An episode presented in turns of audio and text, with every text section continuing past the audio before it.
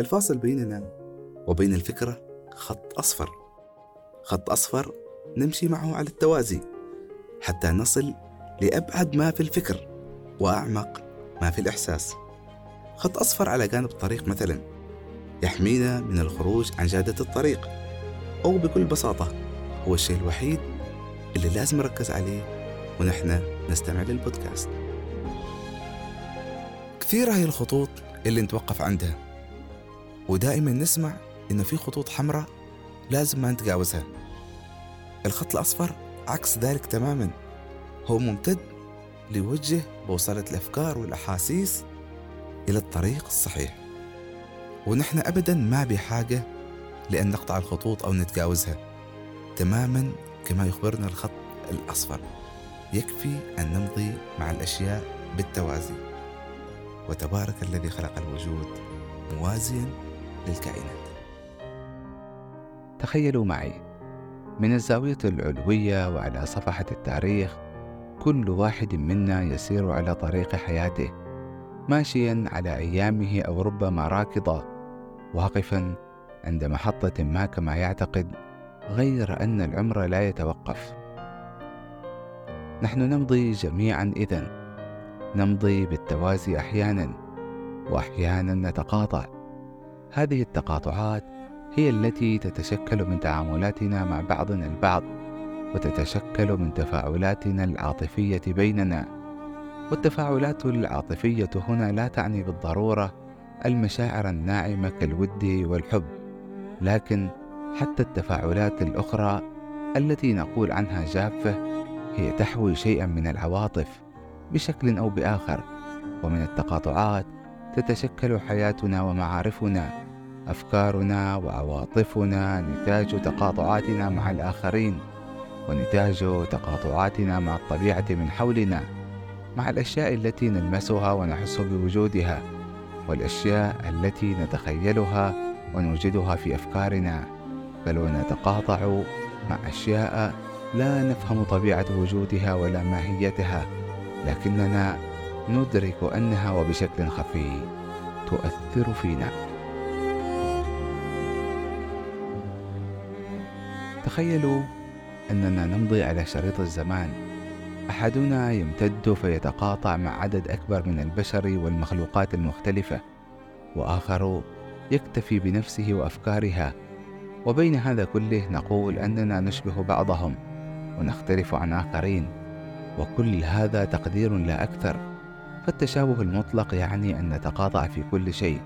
تخيلوا أن كل واحد منا وهو يمضي في حياته إنما يشكل الحياة الكبرى لهذا الكون. كل واحد منا خلية في جسم هذا الكون. تنشأ من خلايا سابقة وتهيئ لخلايا لاحقة. هذا على مستوى الفرد. أما على مستوى الجيل فكل جيل نتاج تقاطع بشر كثيرين. قد يختلف كل واحد منهم عن الآخر لكن مجموعهم وملخص صفاتهم واهتماماتهم ستطلق على جيل بأكمله. لن ينظر لكل فرد على حدة مع مرور الزمن بل سينظر لكل جيل ككتلة واحدة غالبا وكل جيل يقول أنه الجيل المميز الذي عاش بين جيلين. سيصف نفسه بأنه الجيل الانتقالي من وإلى ولكن كل جيل يستطيع أن يضع نفسه بين جيلين ويستطيع أن ينظر لما عاشه الجيل السابق ولما سينقله هو للجيل اللاحق. وكل جيل له ما له وعليه ما عليه تعرفهم بسيماهم في الصور وبذاكرتهم عن الأماكن وحديثهم عن الأيام الخوالي تعرفهم بملابسهم وعاداتهم وفنهم بالمختصر لكل جيل ذوق عام. والله جيلنا نحن يمكن يسمونا مواليد نهضة أو جيل النهضة يعني ولدنا من بعد النهضة المباركة يعني. فنحن نتميز عن قبلنا يعني بأن شفنا فعلا معجزات نهضة مثل الولادة في المستشفى والمدارس. يمكن المدارس شفنا فيها مدارس إسعاف ومدارس المبنية من المواد الثابت. وأيضا شفنا الطرق وهذا من الأشياء اللي ما شافوها اللي قبلنا يعني لا أقول لك. وأيضا التلفزيون والكهرباء يعني عاصرناهم يعني ونحن صغار شفناهم يعني كان كل الأشياء في مسقط لازم تروح مسقط عشان تنجز كل الأشياء اللي تريدها. استخراج بطاقة جواز نحن جيلنا في التصوير الضوئي جيل إنجازات. يعني الجيل مالنا شهد النقلة النوعية في التصوير يعني ونشاط التصوير الكبير جدا في عمان. ابتداء من نادي التصوير ولما تحول من نادي إلى جمعية جمعية التصوير الضوئي. كانت الفعاليات والأنشطة كثيرة والمسابقات ويعني حتى برزت عمان يعني دوليا وخليجيا في مجال التصوير في تلك الفترة. ومن الصعوبات اللي واجهناها كان في بدايتنا مثلا في التصوير كان معدات التصوير غالية وغير متوفرة. طبعا أنا من مواليد نهاية السبعينات واعتبر نفسي من جيل الثمانينات والتسعينات ربما هو جيل هادي تطغى عليه الحياة. الاجتماعية كثير سواء التجمعات الرياضية والثقافية والاجتماعية وما كان في مونس لقاء الأصحاب ولقاء الكتب الدراسية. الجيل اللي سبقنا جيل ما قبل السبعين كان حياتهم صعبة جدا جدا وشاقة ومتعبة.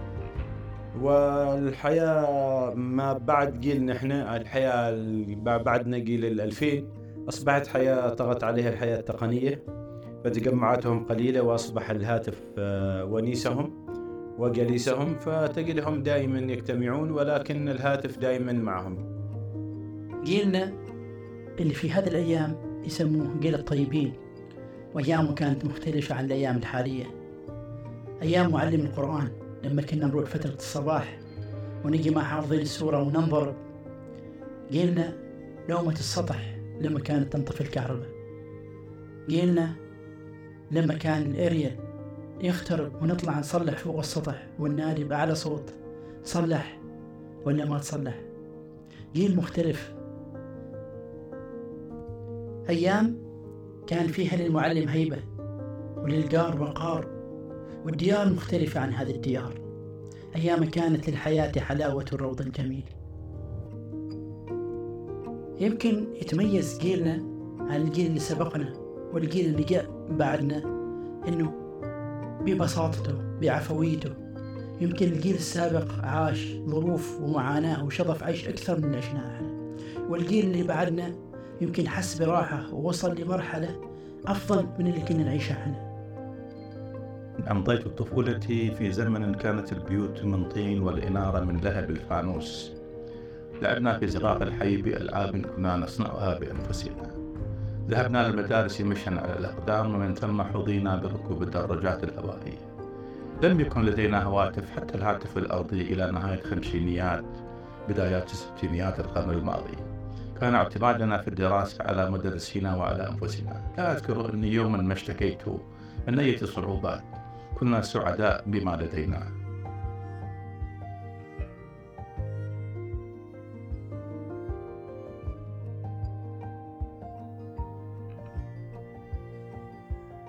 تخيل أنك تمضي في درب حياتك تعيش عمرك المقدر لكنك حقا لا تسير بمحض إرادتك.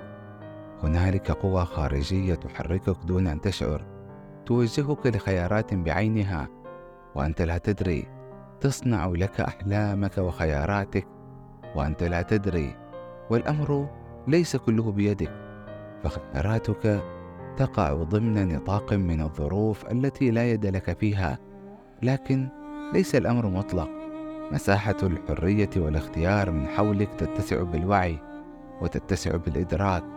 كلما أيقنت الظروف وتأملت نفسك كلما زاد إدراكك عن المؤثرات من حولك وعن الأيدي الخفية التي تحركك. منذ مدة ليست بالطويلة بعدد السنين غير أنها طويلة بقوة الانتشار أصبحت كلمة محتوى وتعريف صانع محتوى منتشرة بحيث يعرف الكثيرون أنفسهم بأنهم صناع محتوى ويشار إلى آخرين أنهم صناع محتوى كذلك بل ويتطور الأمر إلى مصطلحات مثل ناشط اجتماعي ومؤثر ومع أن هكذا مصطلحات تشير إلى نوع من الحداثة وما رافق ظهور وسائل التواصل الاجتماعي إلا أن المحتوى موجود منذ اليوم الأول الذي قرر فيه أحدهم أن يرسم على الجبال ومنذ اليوم الأول الذي كتب فيه حرف على ورق بل وقبل ذلك حتى. ولو أن شاعرا من شعراء الجاهلية عاد في هذا الزمان لكان صاحب محتوى لكنه ربما لن يحظى باهتمام يذكر إذ تبدو الموجة عاتية لدرجة أن مجموعة إخبارية عريقة ولها باع كبير في تأجيج حروب وإخماد توراة وإشعالها تنشر خبرا عن بقرة نطحت فتاة في الهند الأمر الذي يدفع للتساؤل هل تهتم القناة بالفتاة أم بالبقرة؟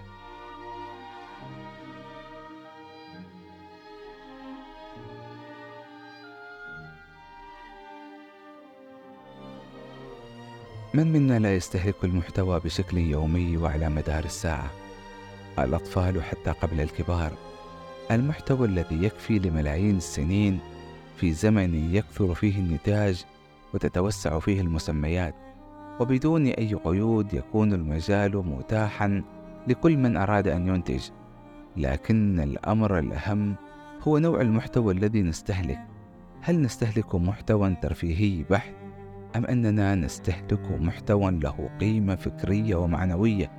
السؤال يفتح بابا كبيرا على الهزل الواسع الانتشار. فأن تشاهد مقطعا ناقدا لقضية ما وبقالب ساخر فهذا مقبول ربما إذا كان الأمر يوصل الفكرة خصوصا إن كان المشهد بأسلوب فني ساخر. فباب النقد الساخر قديم ومعروف ولكن أن تشاهد فيديو كليب لأغنية عن الخريف بشكل كوميدي فهذا أمر عجيب يضرب في الذوق السمعي والبصري. بل وربما لا يعرف أصحابه أن له امتدادا قد يؤثر على الذوق العام والذوق العام ليس ملكا لأحد بعينه لكنه في ذات الوقت ليس محصورا في الأشخاص ولا في الفردانية. هو مفتوح ومرن وقابل للسير في اتجاهات عديدة. غير أنه ومع الوقت سيرضي أطرافا دون أخرى. سيأخذ شكلا جديدا لن يرضي الجميع وهو لن يرضي الجميع أصلا. لكننا في النهاية سنفقد شكلا من أشكال الفن الجميل وليس هذا من باب التنظير. يكفي نوعية الفن الذي ظهر في زمن السرعة وفي زمن المادة. الأمر الذي شهدنا معه سقوط قامات فنية رفيعة وانجرافها لمستنقعات ضحلة.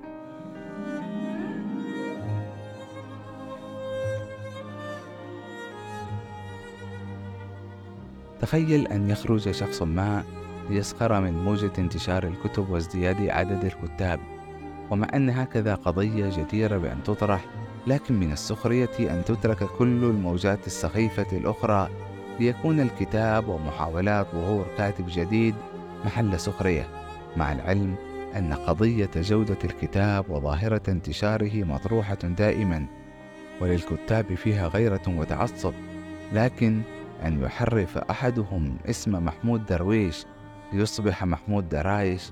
عن جهل غالبا إذ لن يحرف اسم محمود درويش من يعرف أنه القائل. مقهى وأنت مع الجريدة جالس. لا لست وحدك. نصف كأسك فارغ والشمس تملأ نصفها الثاني. ومن خلف الزجاج ترى المشاة المسرعين ولا ترى إحدى صفات الغيب تلك ترى ولكن لا ترى. كم أنت حر أيها المنسي في المقهى فلا أحد يرى أثر الفراشة فيك. لا أحد يحملق في ثيابك أو يدقق في ضبابك إن نظرت إلى فتاة وانكسرت أمامها. كم أنت حر في إدارة شأنك الشخصي في هذا الزحام بلا رقيب منك أو من قارئ. فاصنع بنفسك ما تشاء اخلع قميصك أو حذاءك. إن أردت فأنت منسي وحر في خيالك. حين يتغير الذوق العام في مكان ما فإن تغييره قد يكون متدرجا لكن حين يكون للمادة يد في ذلك فإن التغيير يحدث بقوة. يرافق ذلك تسطيح ممنهج للمجتمعات وتهميش حاد لكل ما هو عميق أو ما يستدعي التفكير والتأمل. فيصبح الاستهلاك هو الغاية الأولى لينحدر معها الذوق العام فتجد أسماء مطاعم مشتقة من اللهجة المحلية لكن العارف باللهجة سيدرك أن الظرافة التي يوحي بها الاسم سخافة. فما يقال في الحديث اليومي لا يصح أن يوضع في اللافتات. سينتج أحدهم أغنية بكلمات محلية وسيقول عنها أنها بلهجة المنطقة الفلانية لكن الأمر أبعد من ذلك حين تكون الكلمات ركيكة فما يتغنى به ليس ما يقال في الكلام العادي. الأمر كله يصب في الذائقة العامة. من أي علو أتت وإلى أي قاع انحدرت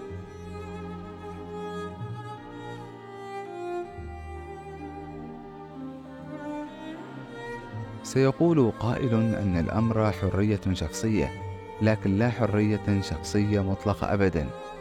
إذ كل واحد منا وبنسب متفاوتة يؤثر في هذه الحياة العامة وفي الذوق العام. فالكتب الرخيصة تروج للكتب الرخيصة. الفن الهابط يروج للفن الهابط.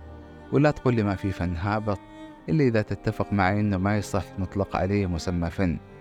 أين زمن الكوميديا التي تتحول لجمل يستخدمها الناس في حياتهم اليومية؟ والكتب التي تؤثر في شعوب كثيرة. أين عنا الأناشيد التي تلامس القلب والملابس التي تشكل الأناقة وما نروح بعيد. الأمم اللي ادعت الحرية صرنا اليوم نشوف كيف هذه الحرية المطلقة جالسة تقودها لانحلال عجيب وترويج لشعارات صادمة ومفجعة. وين صار الذوق العام؟ وين زمن الكلمة اللي تشلك لبعيد والنغمة اللي تسافر بك لخيالات والصوت اللي يعبر بك لعوالم أخرى؟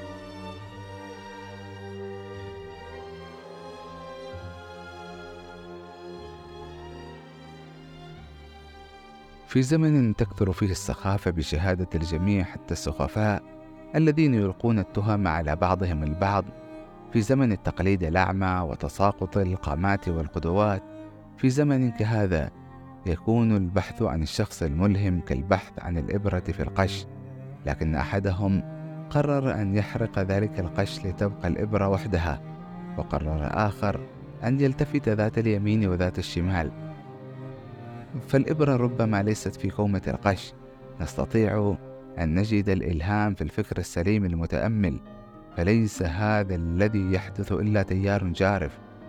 يأخذ معه كل من يقف في طريقه أما الذين انعزلوا عنه فآووا إلى سفينة النجاة ولم يخدعهم الجبل نجوا من تيار السخافة فظلوا كما هم على قيمهم ومبادئهم وأصالتهم.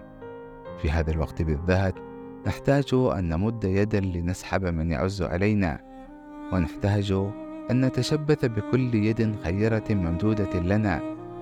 عل قلوبنا تبقى بذائقتها المعهودة ويبقى ذوقنا راقيا كما نريد له دائما.